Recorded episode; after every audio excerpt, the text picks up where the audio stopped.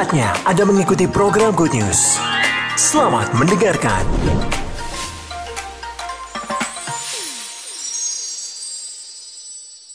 Shalom. Shalom. Saudara-saudara dalam keadaan baik, amin. Kelihatan segar-segar dari sini ya. Saudara-saudara yang dikasih oleh Tuhan uh, dalam bulan ini uh, kita fokus untuk keluarga dan saya pikir itu adalah sesuatu yang bagus untuk gereja Tuhan sebab sesungguhnya masyarakat yang kuat itu juga terdiri dari keluarga-keluarga yang kuat. Demikianlah juga gereja yang kuat akan terdiri dari keluarga-keluarga yang kuat. Saya lihat keluarga-keluarga itu seperti sel-sel dalam tubuh kita. Kalau sel-selnya itu semuanya baik, maka masyarakatnya jadi baik. Tapi kalau sel-selnya ada yang kurang baik, sebagiannya, maka keadaan tubuh kita juga kurang baik. Kalau semua sel kita nggak baik, almarhum. Jadi sesuatu yang baik. Jadi karena itu bagus sekali untuk membangun keluarga-keluarga yang diberkati oleh Tuhan, yang disertai dan dikasih oleh Tuhan ya. Jadi karena itu dalam rangka perenungan terhadap keluarga ini, uh, mari kita akan sama-sama merenungkan tentang firman Tuhan yang kaitan dengan keluarga. Dan saya bersyukur juga saudara-saudara bahwa dahulu kami juga agak bergumul kadang-kadang karena saya dan Bu Esther melayani di mana-mana. Seperti hari ini Bu Esther sedang melayani di Blora. Saya baru pulang saja. Tadi malam nyampe di rumah jam 11 malam dari Kupang. Dalam pelayanan dari hari Selasa kemarin pagi-pagi saya tinggalkan rumah bersama dengan misionari dari Amerika Pak Keith Sorbo ya jam setengah tiga sudah tinggalkan rumah menuju ke Palopo di Sulawesi Selatan melayani di sana terus pagi sampai sore uh, Selasa dan Rabu, lalu kemudian perjalanan dari Palopo ke Surabaya, lalu ke Kupang, nyampe di Kupang hari Kamis jam 9 malam, 10 malam, lalu kemudian Jumat, Sabtu kemarin, nah, Sabtu pulang, nyampe di rumah jam 11, jam 5 pagi tadi saya harus bangun karena harus melayani di CPM. Ya, saya uh, dapat jadwal yang lumayan. Ya kemarin dulu harus melayani di Amerika Serikat di empat negara bagian dalam 17 hari saja sehingga masing-masing rata-rata empat hari dan kegiatannya begitu luar biasa padat. Ya, saya bersyukur pada Tuhan dalam keadaan kesehatan saya sedang terganggu tapi ternyata Tuhan memberi kesehatan yang luar biasa. Waktu itu saya sangat bersyukur pada Tuhan. Bukan hanya itu, terima kasih. Uh, acara-acara dapat saya laksanakan dengan baik untuk kemuliaan nama Tuhan. Nah, dan begitulah kira-kira jadwal saya sama Bu Esther. Dan kadang-kadang bukan hanya suami istri jarang ketemu, tapi juga dengan anak-anak. Karena dua-dua anak kami sekarang sedang bekerja di Jakarta. Nah, mereka juga melayani Tuhan di gereja bahasa Inggris di sana. Lalu jarang ketemu, tapi saya bersyukur juga untuk handphone. Ya, ada WA, ada Zoom yang bisa kita membuat ketemuan dengan mereka. Zaman dulu agak bergumul ya. Tapi saya kadang-kadang dengan Bu Esther mengambil waktu khusus untuk memang sengaja kosongkan satu minggu pergi ke Jakarta dan berfellowship dengan anak-anak karena saya anggap itu juga sesuatu yang penting ya karena kalau bisa saya katakan saya perjuangkan kalau bisa tiga bulan sekali atau dua bulan sekali bisa kumpul sama-sama karena saya rasa bahwa sel-sel keluarga ini perlu dibangun dengan baik amin amin amin ya, saudara. Uh, jadi Mari kita akan bersama-sama merenungkan kebenaran firman Tuhan tentang keluarga. Judul yang akan saya ajak saudara renungkan adalah menjadi anggota keluarga yang double sukses. Menjadi anggota keluarga yang double sukses. Sukses satu aja luar, luar biasa, tapi double sukses lumayan juga ya. Dan mungkin barangkali di antara saudara pikir, wah kalau double sukses berarti Pak saya dapat berkat fisik, materi dengan berlimpah-limpah lalu kesehatan saya bagus double kan Pak ya enggak maksud saya double sukses ini sesuatu yang sedikit lebih luas ya yaitu secara kehidupan sekarang dalam keluarga kita diberkati tapi juga kehidupan nanti sesudah kita dipanggil Tuhan kita juga diberkati ya double sis suksesnya sukses di sini dan sukses di sana ya saya kira tidak ada di antara kita yang akan pilih uh, sukses di sini tapi tidak sukses di sana amin tidak juga maunya, apa ada yang mau? Enggak sukses di sini enggak apa-apa Pak, angsa sukses di sana ya. Dulu suka orang mengatakan begitu, tapi kalau saya enggak mau itu. Bagaimana pilihan kalau seandainya sukses di sini dan sukses di sana? Mau? Kurang semangat saudara. Kayak saya pikir kayaknya enggak terlalu mau ya. Enggak sukses di sini dan enggak sukses di sana. Nggak mau ya. Mari kita akan coba renungkan kebenaran firman Tuhan. Ini menjadi anggota keluarga yang double sukses di sini dan di sana ya.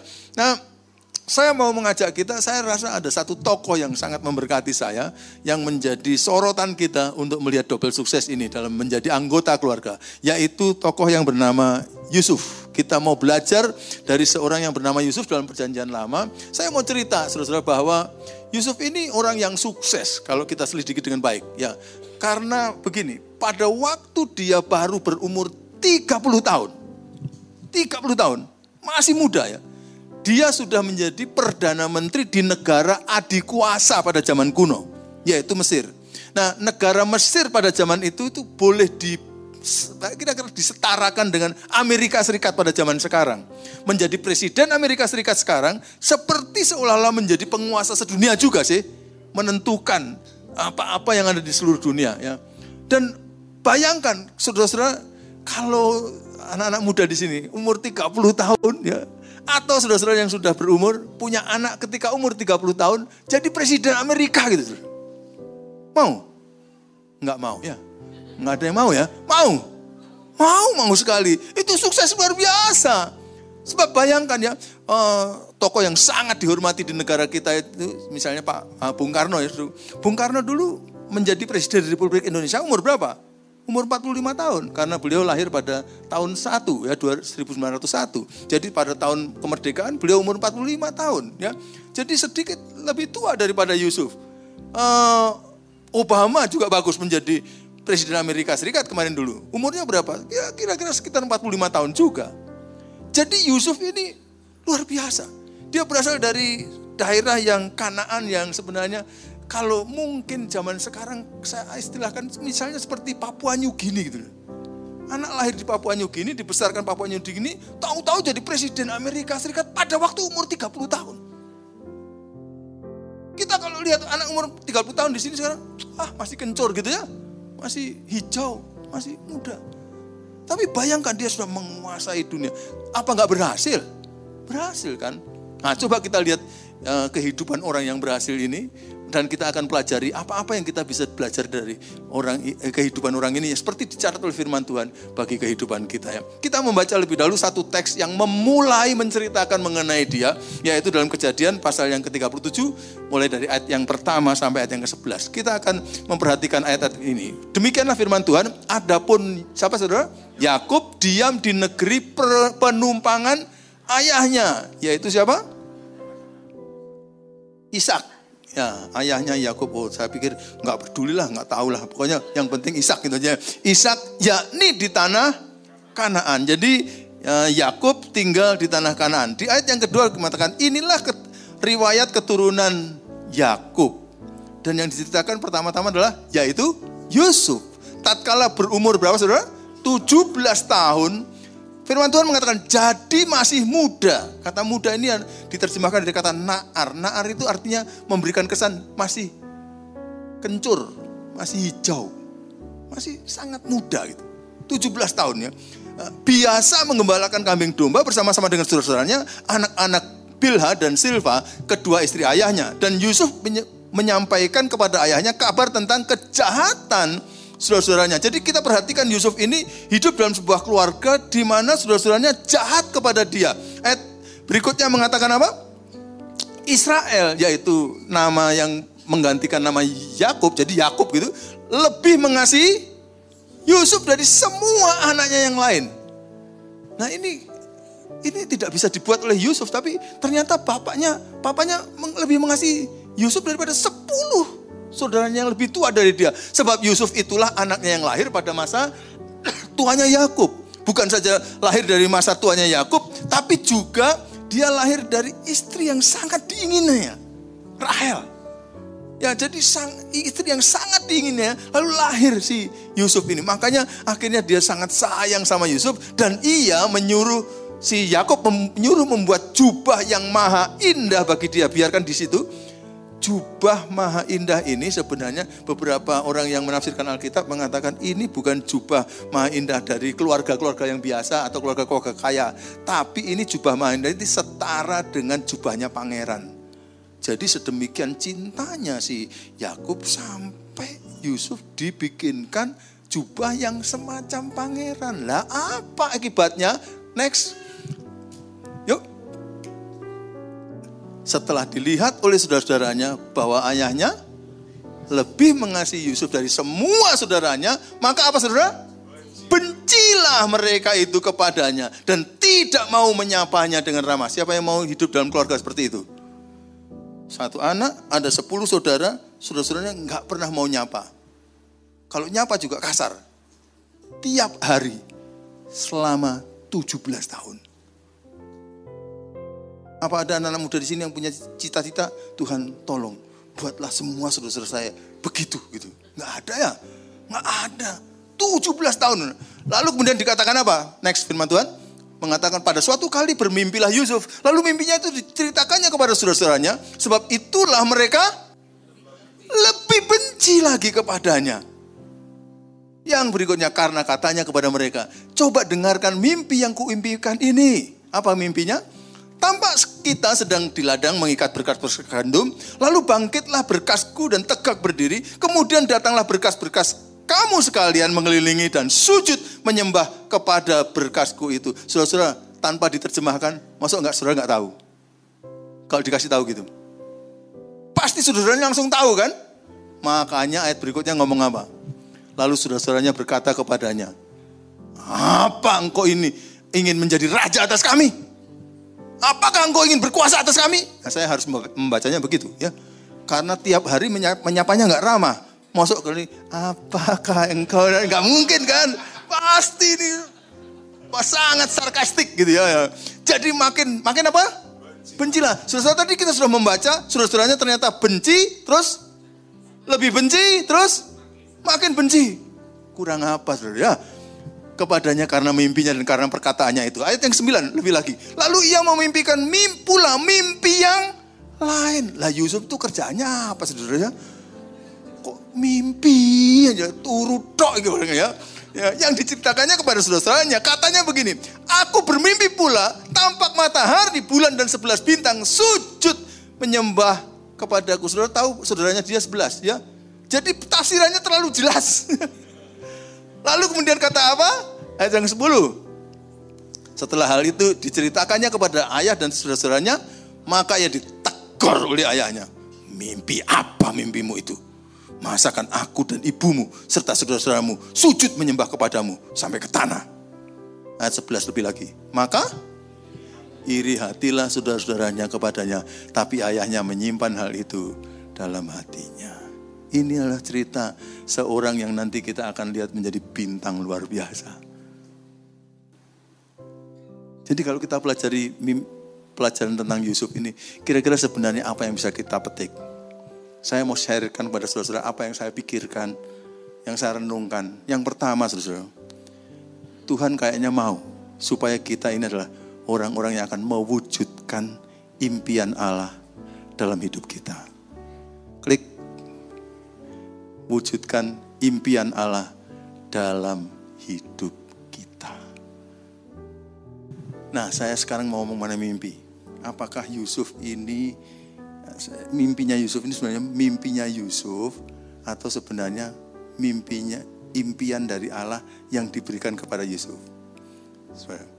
Kalau saudara-saudara sedang tidur atau mau tidur, saya tidak tahu kalau ada di antara saudara, wah nanti saya waktu tidur saya mau mimpi begini gitu. Lalu akhirnya betul-betul terjadi. Bisa?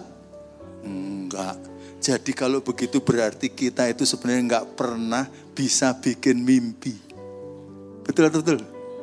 Jadi berarti sebenarnya impian itu dalam satu arti juga bisa dipakai oleh Allah untuk menyampaikan impiannya dia bagi kehidupan kita. Dan khusus untuk Yusuf nanti kalau kita lihat ceritanya ternyata itu memang betul-betul impian Allah yang diberikan kepada Yusuf. Dan kemudian dengan polosnya dia ceritakan ya kepada uh, saudara-saudaranya dan dia akhirnya ditegur sama ayahnya dan sebagainya. Tapi itu impian Allah. Dan kelihatan Yusuf ini adalah orang yang mau mewujudkan impian Allah itu dalam hidupnya. Apakah saudara-saudara pasti tahu dari kitab suci? Bahwa sebenarnya untuk setiap kita Allah itu waktu dia menciptakan masing-masing kita itu, dia punya impian untuk hidup kita. Dan tugas terpenting yang paling penting dari seluruh tugas yang ada di muka bumi ini bagi kita adalah mewujudkan impian Allah itu dengan sempurna dalam hidup kita. Karena Tuhan kita itu Tuhan yang sangat rapi. Menjalankan apa-apa berdasarkan rencana. Tidak amburadul Tuhan itu. Nah, saya kasih contoh saja satu ilustrasi ya. Ini namanya apa saudara? Mimbar ya? Oke, yang membuat mimbar ini dulu, pada waktu dia membuat ini, dia membayangkan nanti sudah ini jadi akan ditaruh di NICC gitu. Lalu kemudian akan dipakai untuk khotbah oleh Pak Gadut gitu. Kalau kenal saya dia. Ya, ya akan dipakai khotbah oleh Pak Sudi, Pak gitu. Maksudnya ini memang dipak, diciptakan untuk dipakai untuk khotbah.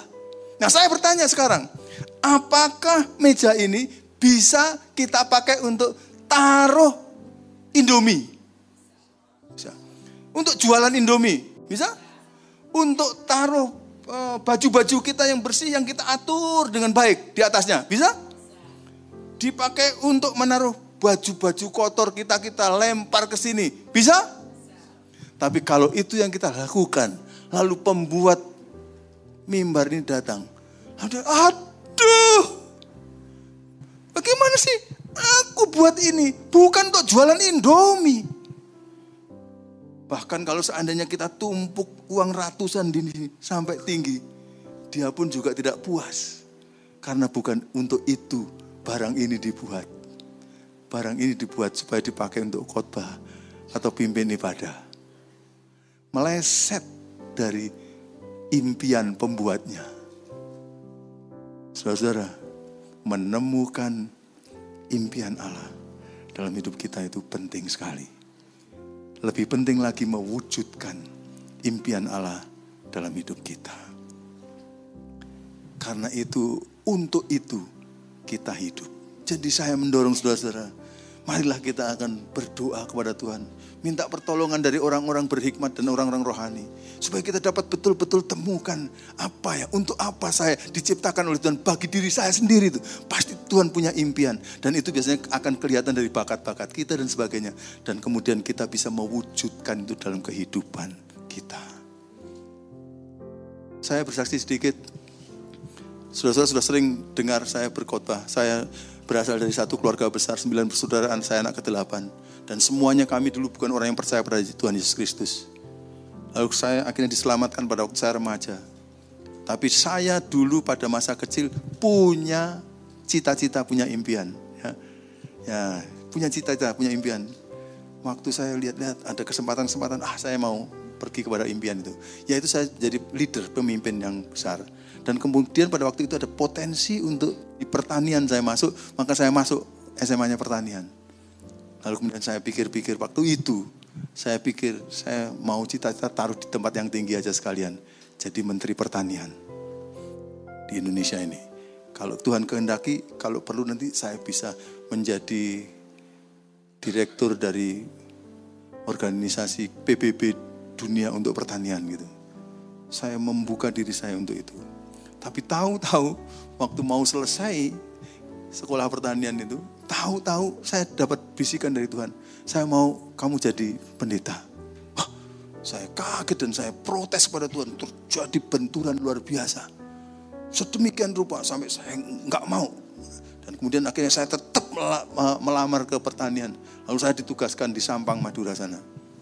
Dan sementara saya di sana, rupanya makin jadi itu pergumulan hidup itu saya di tempat saya menempati rumah direktur saya karena pada waktu tahun-tahun itu di Sampang itu nggak enak untuk tinggal. Jadi direktur saya punya rumah dinas tapi nggak ditempati ya. Saya tempati akhirnya disuruh nempati. Tapi tiap malam di situ saya berjumpa dengan Tuhan dan seperti Yakub berkelahi dengan Tuhan. Sampai akhirnya saya takluk.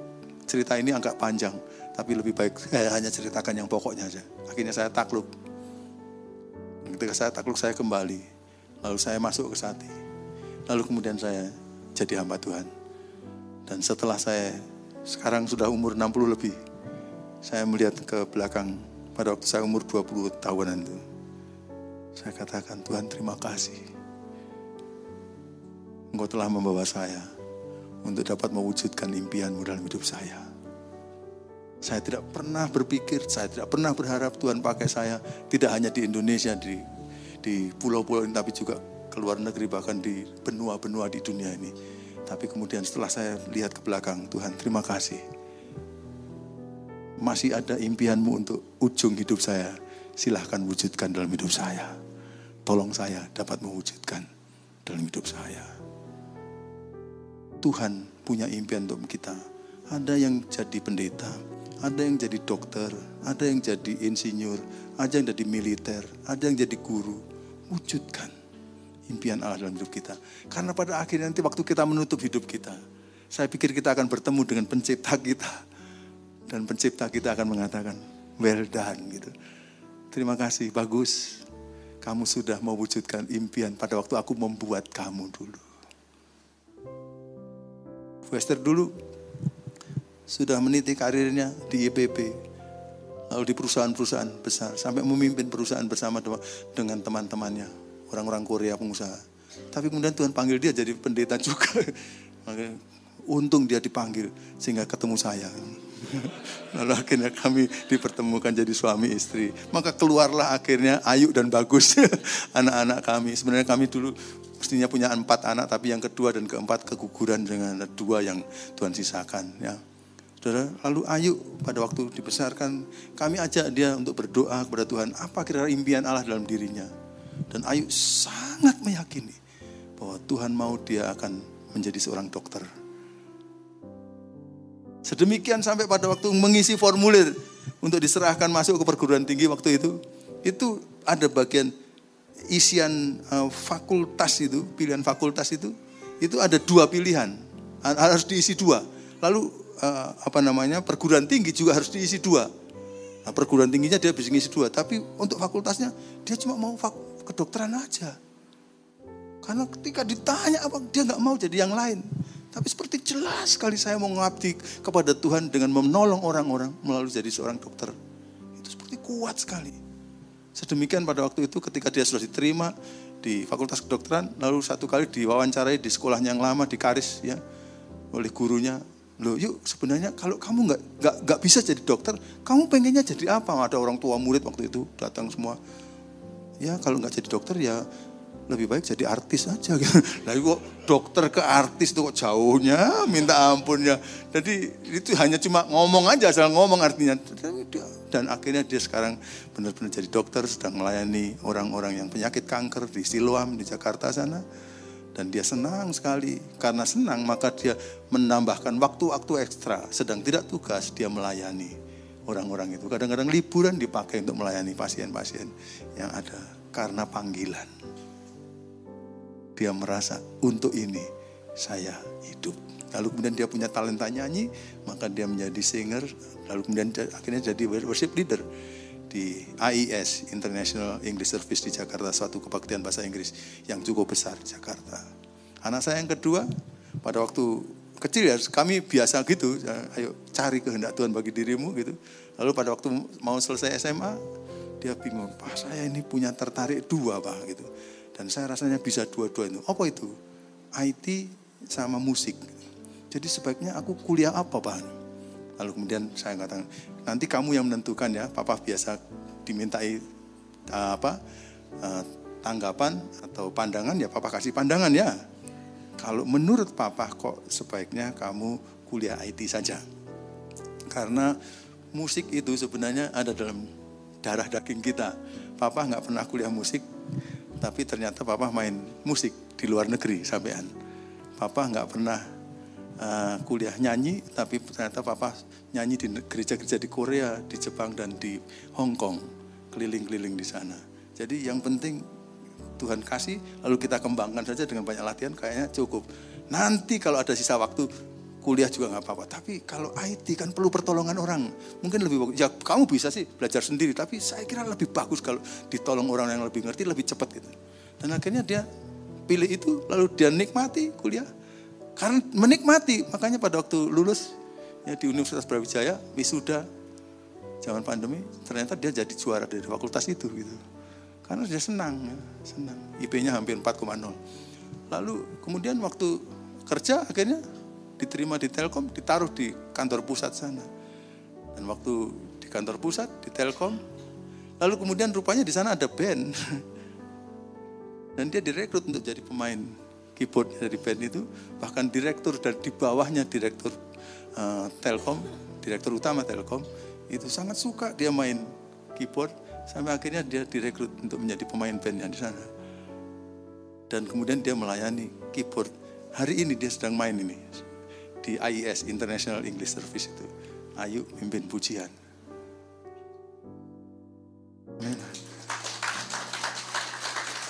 Tidak ada yang dibuang dari apa yang Tuhan berikan pada mereka. Tapi temukan di mana peran. Dan saya bersyukur karena dia telah dipakai Tuhan yang bagusnya ya. Baru beberapa bulan harus mewakili Telkom pergi ke Timika untuk memastikan program kerjasama pemerintah dengan Telkom jadi berhasil dan sebagainya. Saudara, orang tua yang ada di sini, jangan memaksakan impian kita untuk anak kita. Hati-hati. Takutnya impian kita tidak sama dengan impian Tuhan bagi mereka. Yang penting bukan impian kita, yang penting impian Tuhan bagi mereka. Bagi masing-masing orang cari dari Tuhan, tapi bagi anak-anak kita tanya sama Tuhan. Apa sebenarnya impian Allah bagi mereka? Dan dorong untuk mewujudkan itu. Saudara-saudara tidak akan pernah menyesal dalam kekekalan. Kalau akan membimbing anak-anak kita, cucu-cucu kita untuk mewujudkan impian Allah dalam hidup mereka. Amin. Luar biasa ya Yusuf ya. Dan Yusuf menekuni hidupnya untuk mewujudkan mimpi yang diberikan oleh Allah bagi dirinya. Tapi lebih daripada itu, ada yang kedua sekarang Yusuf punya punya kebiasaan yang menurut saya bagus untuk kita perhatikan. Yang kedua, dia tidak mau dikuasai oleh masa lalunya. Dia tidak mau dikuasai oleh masa lalunya. Saudara-saudara tadi sudah saya katakan waktu kita membaca, coba saudara apa ada di antara kita yang mencita-citakan kalau bisa saya lahir dalam keluarga seperti itu? Baru lahir itu sudah dibenci. Sampai selama 17 tahun dibenci. Makin dibenci. Lebih dibenci. Dan iri hati gitu kan hari? Benar apa enggak sih? Apa ada di antara kita? Aduh aku pengen seperti Yusuf. Menikmati kebencian. Tapi dia tidak mau dikuasai oleh masa lalunya itu. Sebab bisa saja Yusuf katakan, ya saya memang keluarga saya begini, ya sudahlah kalau begitu. Saya kalau begini aja sudah lumayan. Saya di kampung ini dan tidak berpengaruh apa-apa, sudah lumayan. Tapi Yusuf tidak mau. Dia putus rantai penguasaan masa lalu yang buruk itu. Lalu kemudian dia move on, anak-anak muda pakai istilah itu. Move on ya ke depan. Kepada rancangan Tuhan bagi dirinya. Hati-hati saudara. Tuhan punya impian yang luar biasa. Tapi kadang-kadang kita halangi dengan diri kita sendiri.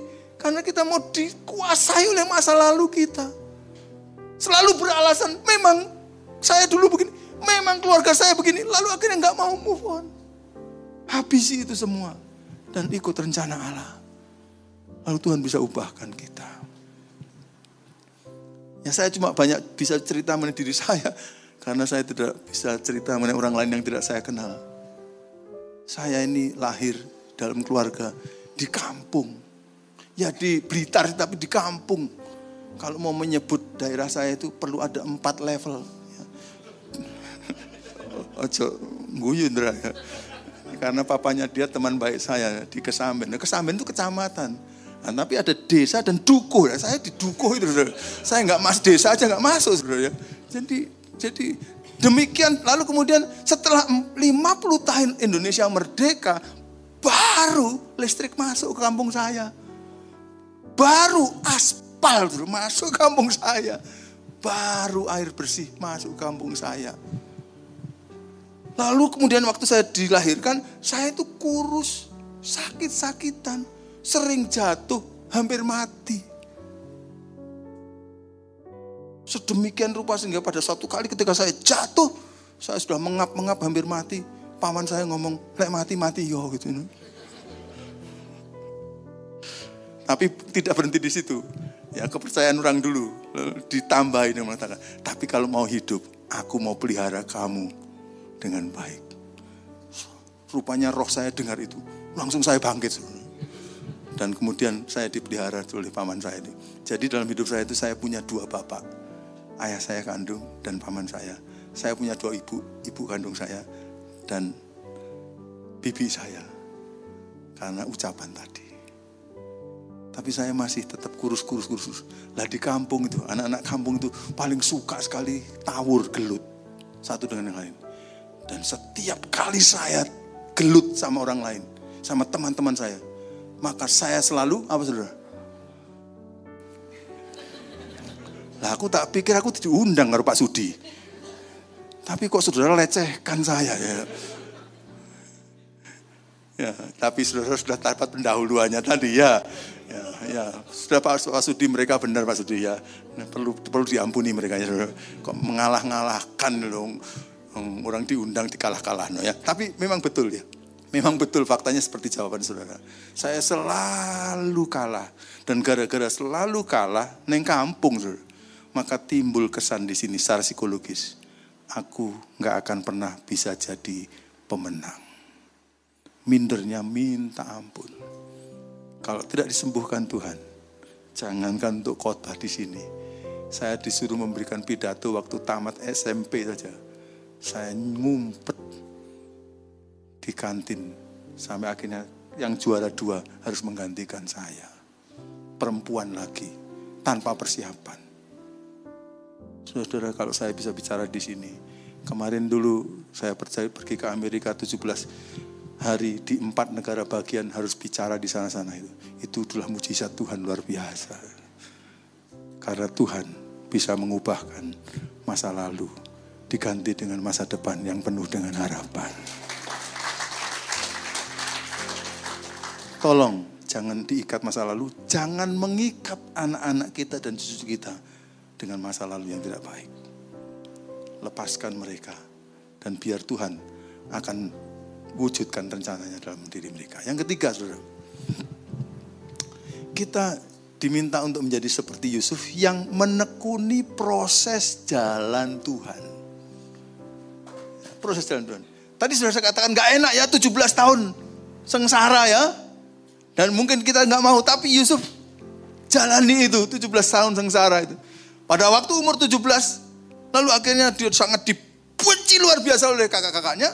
Lalu kemudian dia sampai akhirnya mau dibunuh. Dan ada satu kakaknya yang mengatakan jangan dibunuh. Lumayan, bebas dari pembunuhan. Tapi dimasukkan ke dalam sumur ya. Lalu kemudian satu kakaknya bertanya, masih hidup nggak kamu? Lalu diangkat dari sumur. Waktu diangkat dari sumur, lalu kemudian di jual. Zaman itu orang masih dijual belikan sebagai budak belian, seperti binatang. Dijual, dibeli oleh penjual pembeli dari orang Median. Dibawa jauh ke Tenggara, dijual di Amerika, di Mesir pada waktu itu. Sampailah dia di rumah kepala pas pampres. Namanya Potifar.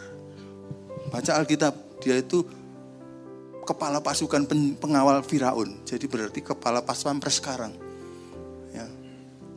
Rumah Firaun. Dan kayaknya si Potifar itu mungkin ada banyak penyafir mengatakan dia tidak dikarnia anak. Padahal dia sering tugas luar terus menyertai Firaun. Jadi istrinya kedinginan, kesepian di rumah terus. Lalu dalam keadaan seperti itu ada pegawai baru datang umurnya 17 tahun. Kinyis-kinyis. Oh, apa apa kinyis-kinyis. Ya, masih kemerah-merahan, sangat tampan. Pintar lagi. Waduh. Akhirnya dia nggak kuat perasaannya. Sampai akhirnya semua pegawainya tugas luar hari itu. Ditugas luarkan semua, rumah kosong. Lalu kemudian dia mulai beroperasi semua pintu ditutup, Yusuf ada di dalam, masih tidak puas. Yesus masih diundang ke kamarnya. Sup, tolong sup. Ya tante, gitu. tolong sup, ini per, bantu tante perbaiki dipan ini ya, gitu. Ternyata itu jebakan. Waktu Yusuf masuk ke kamar, pintunya dikunci. Dan dia mau melampiaskan nafsunya. Saudara-saudara bayangkan, Yusuf anak umur 17 tahun. Wah, nafsunya masih sangat kuat. Berada di mana? Di luar negeri. Bukan hanya pegawai-pegawai Potifar nggak lihat, Potifar nggak lihat. Bukan hanya tetangga-tetangga nggak lihat. Tapi keluarganya jauh di Papua Nugini. Kalau Yusuf mau ambil ah, nggak saya nggak ketahui keluarga. Ya sudahlah, nggak apa-apa. Karena kalau saya nggak mau mengikuti tante Po ini, nasib masa depan saya hancur ini. Dia sangat berkuasa. Tapi rupanya Yusuf ini dibesarkan dalam keluarga di mana ada nyanyian yang diajarkan. Ya. Mata Tuhan, Tuhan melihat apa yang engkau buat, baik yang baik, baik yang jahat. Lalu Yusuf mulai nyanyi, waduh mata Tuhan ada di sini. Sekalipun tidak ada satu mata pun sedang melihat, tapi Tuhan melihat. Lalu dia memutuskan untuk bertindak benar. Dia tidak mau bajunya ditarik-tarik sama Potifar, istri Potifar. Dia lari dua blak pintu atau jendela saya nggak tahu ya. Lalu akhirnya sampai keluar, tapi karena ditarik bajunya tinggal celana dalam saja. Itu sebenarnya kalau diterjemahkan dalam bahasa Indonesia tinggal celana dalam saja. Dan pasti gampang sekali untuk istri Potifar kemudian memfitnah dia karena dia keluar hanya pakai celana dalam. Ngerti saudara? Lalu gara-gara itu dia masuk ke penjara. Benar nggak salah? Benar atau salah? Benar, masuk penjara. Proses jalan Tuhan. Lalu waktu di penjara ternyata ada teman juru minuman dan juru makanan Firaun salah di penjara di penjara yang sama. Lalu akhirnya mereka berkenalan. Lalu kemudian mereka dapat mimpi. Gara-gara Yusuf banyak dapat mimpi, akhirnya Yusuf pinter menafsirkan mimpi. Akhirnya mimpinya ditafsirkan, kamu juru makanan nanti tiga hari lagi kamu akan digantung, juru minuman dengan mimpimu itu kamu akan dipulihkan. Mesti Yusuf akan pesan ini. Lek kamu dipulihkan, ingat kisku ya, kasusku ya. Aku diperlakukan tidak baik dan difitnah. Tolong sampaikan ke Firaun ya. Saya kira juru minuman, yo yo yo gitu. Janji gitu. Tapi apa yang terjadi? Waktu dia dipulihkan ke istana Firaun, lali saudara. Janjinya. Yusuf nunggu nunggu berita dari istana. Nggak ada berita. Aduh. Temenku ternyata nggak ingat juga dengan janjinya. Udah nasibku akan ada di sini saja. Tapi akhirnya yang terjadi apa? Firaun dapat mimpi, lalu jangankan tafsirannya nggak tahu, mimpinya aja lupa Firaun ini. Kebanyakan makan, jadi mimpinya sendiri sampai lupa ya. Lalu akhirnya dia panggil semua juru mimpi, nggak bisa. Baru juru minuman, ada, ada, ada satu, Yusuf. Yusuf dipanggil. Gara-gara dia menafsirkan mimpi Firaun dengan baik, akhirnya dia jadi Perdana Menteri. Umur 30 tahun, orang sukses ke sedunia yang luar biasa masih muda. Nah, dengarkan saya gini, saya pernah mikir-mikir, kalau juru minuman itu ingat, ya, ini umpamanya ya, juru minuman itu ingat. Lalu dia ngomong pada Firaun, lalu Firaun, oh begitu ya, berarti Potifar nggak benar ini. Sudah kalau gitu, bebaskan dia, panggil dia. Lalu dibebaskan dari penjara, lalu dipulangkan ke mana? Papua New Guinea, ke kampungnya, ke Kanaan. Dia jadi apa? Jadi apa? Gembala yang kere di sana. Dan kadang-kadang kita pikir sebaiknya skenario saya yang jadi.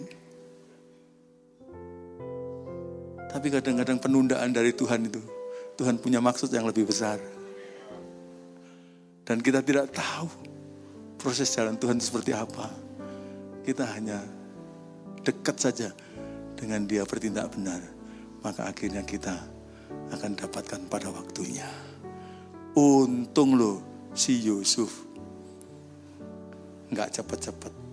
Tapi dia ngikuti jalan Tuhan. Saya tidak tahu saudara-saudara sedang mengikuti proses jalan Tuhan seperti apa. Tekuni. Tekuni saya ngomong dengan hampir nggak tahan dalam diri saya. Karena saya tahu itu nggak enak. Tapi jalani. Ikuti jalan Tuhan terus. Tuhan punya waktu yang paling baik untuk memunculkan kebenaran pada waktunya. Amin. Terakhir, Yusuf itu orang yang selalu mau bertindak benar. Sebenarnya pada waktu dia dipromosikan oleh raja, lalu raja menyerahkan cincinnya kepada Yusuf. Artinya apa pada zaman dulu? Cincin itu kekuasaan, karena cincin itu adalah meterai raja. Jadi pada zaman itu kalau bikin prasasti apa pun itu kan berasal dari tanah liat yang dibakar. Sebelum dibakar tuh ditok pakai cincin raja itu. Lalu dibakar tek menjadi prasasti yang formil. Jadi di jari manis Yusuf ini ada nasib seluruh dunia. Dan pada waktu dia sedang begitu, dunia sedang kelaparan, dia punya punya punya hikmat untuk bikin lumbung. Sehingga akhirnya tidak hanya dari dalam negeri ambil padi atau gandum dari lumbungnya, tapi luar negeri sampai akhirnya saudara-saudaranya yang sepuluh itu yang membuat dia menderita selama berapa? 13 tahun. Saya kira Yusuf kalau kita dia katakan, nah ini jalan Tuhan. Ini adalah penghakiman Tuhan, keadilan Tuhan sampai ini orang yang membuat saya di rumah dulu saya sengsara 17 tahun. Akhirnya mereka jual dan saya sengsara luar biasa selama 13 tahun. Bayangkan anak umur 17 tahun dari Papua New Guinea suruh di New York tanpa saudara, sengsara minta ampun, masih di Vietnam aja. Itu semuanya sebenarnya gara-garanya sama, 10 saudaranya ini. Kalau dia mau hari itu, dia punya kuasa. Dia bisa katakan, panitra, bikin maklumat. Sepuluh orang ini dihukum menurut hukum Mesir. Yaitu dengan cara disileti. Sedikit-sedikit. Jangan sampai mati satu hari ya. Matinya sepuluh hari. Setelah sepuluh hari baru mati. Tak stempel ya. Tok pakai cincin raja. Maka itu kekuatannya sangat mengikat saudaranya akan tersiksa selama 10 hari. Dan Yusuf barangkali katakan, puasaku. Di situ dia main kuasa. Tapi dia selalu bertindak benar. Dia tidak mau main kuasa pada waktu semua kuasa ada pada dirinya. Saudara kemarin dia diperlakukan gak adil oleh Potifar, oleh istri Potifar, karena dia gak punya kuasa. Ini sebenarnya pergumulannya bawahan. Ketika diperlakukan gak adil, apakah kita mau bersikap dengan benar atau enggak? Tapi Yusuf bertindak benar. Nah sekarang pada waktu jadi atasan, dia punya segala kuasa untuk bertindak benar atau tidak benar. Tapi pada waktu itu dia memilih untuk bertindak benar. Hati-hati para penguasa. Bos-bos, hati-hati. Ketika ada kuasa, saudara-saudara bisa lakukan apa saja. Tapi jangan sampai saudara bertindak tidak benar pada waktu semua kuasa ada dalam tanganmu. Tetap bertindak benar karena ada penguasa yang lebih daripada semua penguasa. Yaitu dia yang akan menegakkan keadilan kita harus bertindak benar. Dia tidak main kuasa. Lalu kemudian kalau nggak main kuasa, apa yang dilakukannya? Klik. Lepaskan pengampunan. Saudara, ada orang di dunia ini yang sebenarnya bisa bikin prestasi besar dan Tuhan mau dia pakai prestasi besar.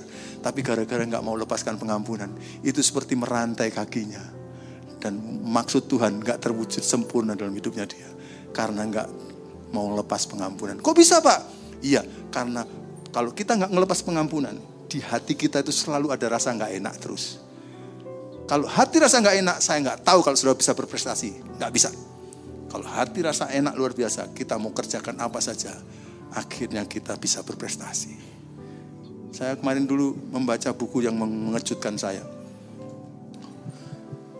saya dulu sudah kenal dengan apa yang disebut dengan IQ, kecerdasan otak. Dan kira-kira rumusnya mengatakan semua yang punya IQ yang bagus ada potensi untuk menjadi orang berhasil. Tapi kemudian saya dikagetkan dalam penemuan di dunia. Tidak hanya IQ ternyata yang membuat orang berhasil, tapi juga EQ, emosional, quotient, kecerdasan rasa. Kecerdasan otak, kecerdasan rasa kalau digabung menjadikan orang berhasil. Tapi waktu itu saya sedang di tawari sebuah buku untuk dibaca. Namanya Moral Intelligence. Kecerdasan moral. Dan ternyata waktu saya baca, buku itu memberitahukan telah diselidiki 2000 pemimpin-pemimpin yang besar yang berhasil di dunia.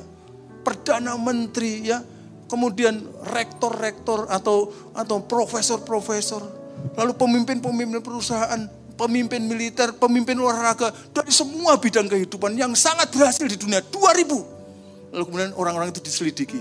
Apa sih yang membuat mereka itu berhasil? Ditemukan yang pertama, mereka punya kesamaan bahwa mereka adalah orang-orang yang punya integritas, jujur, nggak suka tipu-tipu. Jangan dipikir tipuan adalah jalan menuju kesuksesan. Itu kebohongan setan. Kejujuran adalah jangka panjang yang membuat kita sampai di puncak sana. Tipu bisa berhasil satu hari, lusa bisa gagal. Tapi kalau jujur itu jangka panjang. Orang itu jujur-jujur ternyata. Yang kedua, mereka adalah orang-orang bertanggung jawab dan kerja keras untuk tugasnya. Itu moralnya. Jadi kalau kita malas, ya nggak usah lah mengharapkan yang tinggi-tinggi. Kalau kita nggak bertanggung jawab, ya nggak usah harapan yang tinggi-tinggi. Kalau yang nomor tiga, saya lupa. Dan buku itu sudah nggak ada. Tapi yang keempat saya ingat karena terlalu terkesan dalam diri saya. Yang keempat saya kaget kok begini ya. Yang keempat adalah ternyata orang-orang itu adalah orang-orang yang suka mengampuni. Ajaib ya. Ternyata orang no hebat-hebat besar-besar di dunia zaman kita sekarang ini. 2000. Itu adalah orang-orang yang punya karakter suka mengampuni. Saya barangkali bisa katakan, jangan mimpi terlalu tinggi kalau kita tidak bisa mengampuni. Ampuni, lepaskan pengampunan. Dan Allah akan wujudkan impiannya dalam hidup kita.